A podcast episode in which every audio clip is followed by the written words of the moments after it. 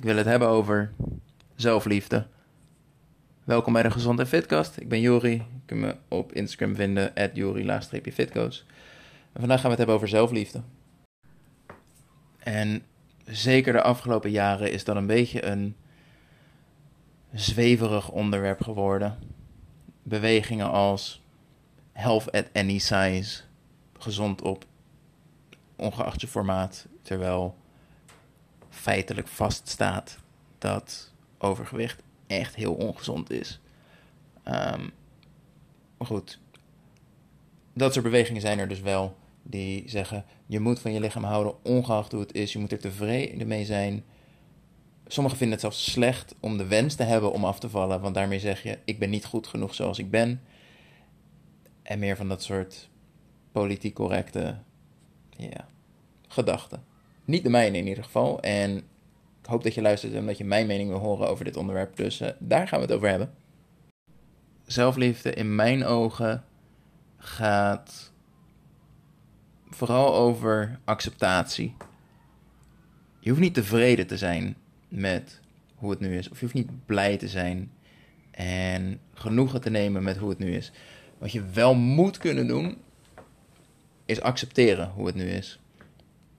Dat je verleden, ongeacht of je daar zelf invloed op, had, sommige dingen overkomen je, het zij zo, doe je niks meer aan. Maar dat de keuzes uit het verleden en wat je overkomen is in het verleden je heeft gebracht waar je nu bent. En als afvallen je doel is dat dat verleden je ook het lichaam heeft gebracht wat je nu hebt. Dat moet je kunnen accepteren.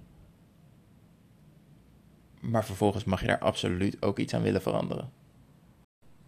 Dus ik denk als ik het in één zin zou moeten samenvatten, dan zou ik zeggen: zelfliefde is accepteren hoe het is en streven naar beter. En wat ik veel tegenkom, is dat eigenlijk die eerste stap heel erg wordt overgeslagen. Belangrijk aspect van het stukje zelfliefde is bijvoorbeeld ook hè, je zelfbeeld. Hoe kijk je naar jezelf? En nou ja, laat ik je de volgende twee stellingen geven. Mag jij me vertellen welke jou het meest logisch lijkt, het meest reëel lijkt? Nummer 1. Mijn zelfbeeld zal veranderen als ik afval. Of mijn zelfbeeld moet veranderen om af te vallen. Ik wil niet heel stereotyperend zijn, maar de meeste vrouwen met overgewicht die ik spreek zijn niet heel positief tegenover zichzelf en hun lichaam.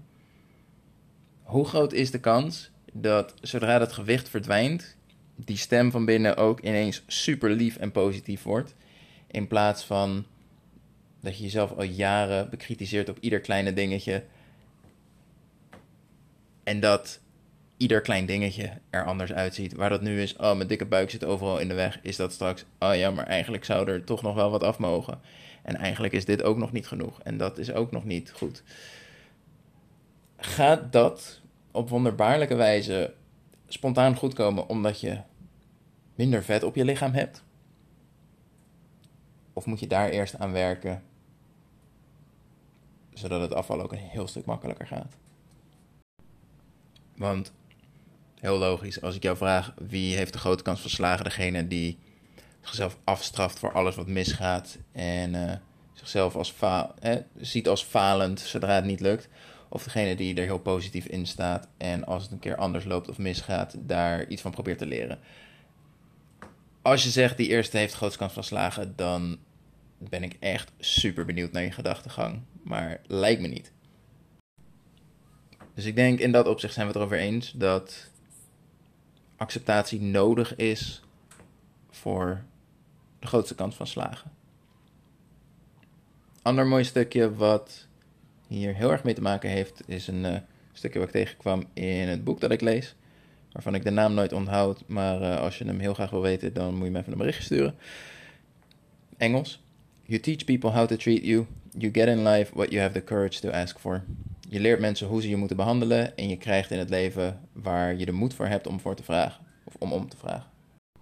Een goed voorbeeld daarvan, meerdere eigenlijk, ik krijg het regelmatig terug in, of tijdens coachgesprekken, dat mensen in de omgeving um, willen helpen, maar niet goed helpen of kunnen helpen. Iets concreter is dat bijvoorbeeld dat eh, ze eten blijven aanbieden terwijl jij bezig bent met afvallen. En dat kan je als vervelend ervaren. Maar anderzijds, en dat weten die mensen vaak dan zelf ook wel van. Maar goed, als ze het vaak genoeg vragen, dan zeg ik uiteindelijk ook wel ja. Of als ik met afvallen bezig ben, zeg ik overal nee op. Maar zodra het dan mislukt, dan zeg ik ook overal ja op. Dus ik snap wel dat ze blijven aanbieden, want zij weten ook niet in welke mindset en in welke fase ik op dat moment ben. Maar als ik jou zou zeggen, laten we het voorbeeld nemen van um, um, taart op een verjaardag. Gezin van vijf, dus je komt er vijf keer in een jaar voor een verjaardag. Als jij consequent iedere keer daar nee op zegt, hoe groot is de kans dat ze jou na drie jaar nog steeds heel serieus aanbieden: hey, wil je ook? Ze weten al dat je nee zal zeggen. Ze hoeven niet door te vragen. Ze bieden het aan uit formaliteit en daar houdt het bij op. Hetzelfde is bijvoorbeeld met alcohol. Dat um, als jij twee keer nee zegt en bij de derde keer ja, tuurlijk blijven ze het proberen. Maar als jij een maand lang consequent nee zegt, iedere keer dat er alcohol wordt aangeboden en je zegt nee, ik drink niet. Op den duur weet men, jij drinkt niet. Punt heeft het ook geen zin meer om aan te bieden. Krijg je weer hetzelfde. Het wordt misschien één keer gevraagd uit beleefdheid. En dan houdt het op. You teach people how to treat you. Als jij er steeds voor kiest om na één keer, twee keer, drie keer vragen toch ja te geven. Leer jij hen toch aan dat als ze maar vaak genoeg vragen, dat je het eigenlijk wel wil. En doen ze jou toch een gunst door te blijven vragen. Dat is wat je ze leert op dat moment. Maar als we dan een stap terug doen, wie heeft de meeste invloed op zowel je zelfbeeld als je resultaten als het gaat over afvallen? Zijn dat je vrienden, je familie, gezin, collega's of je eigen gedachten? Wie heeft de meeste invloed? Vrienden, familie, je gezin, collega's of je eigen gedachten? Waarschijnlijk weet je daar het antwoord het antwoord wel op.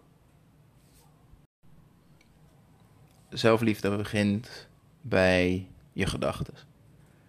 Zelfliefde begint met hoe je tegen jezelf praat.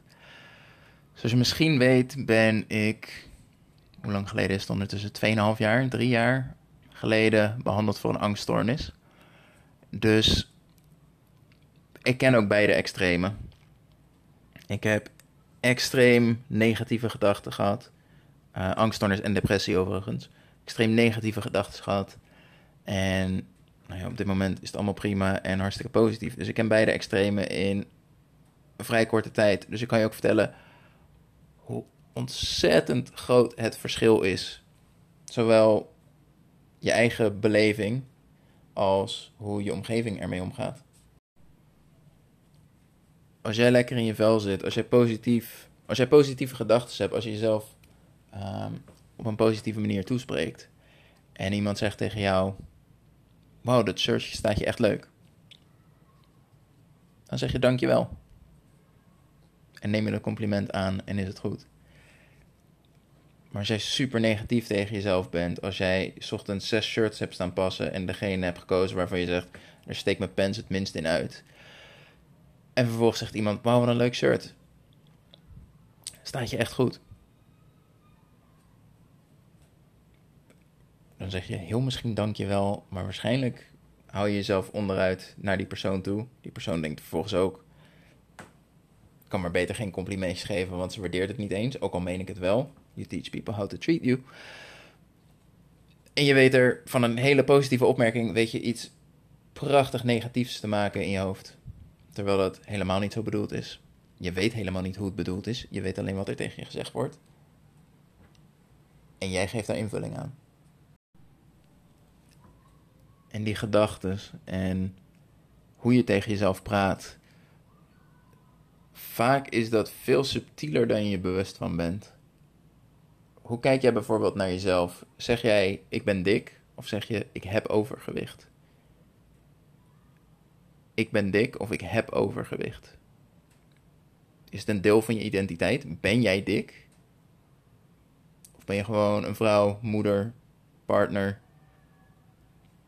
die overgewicht heeft.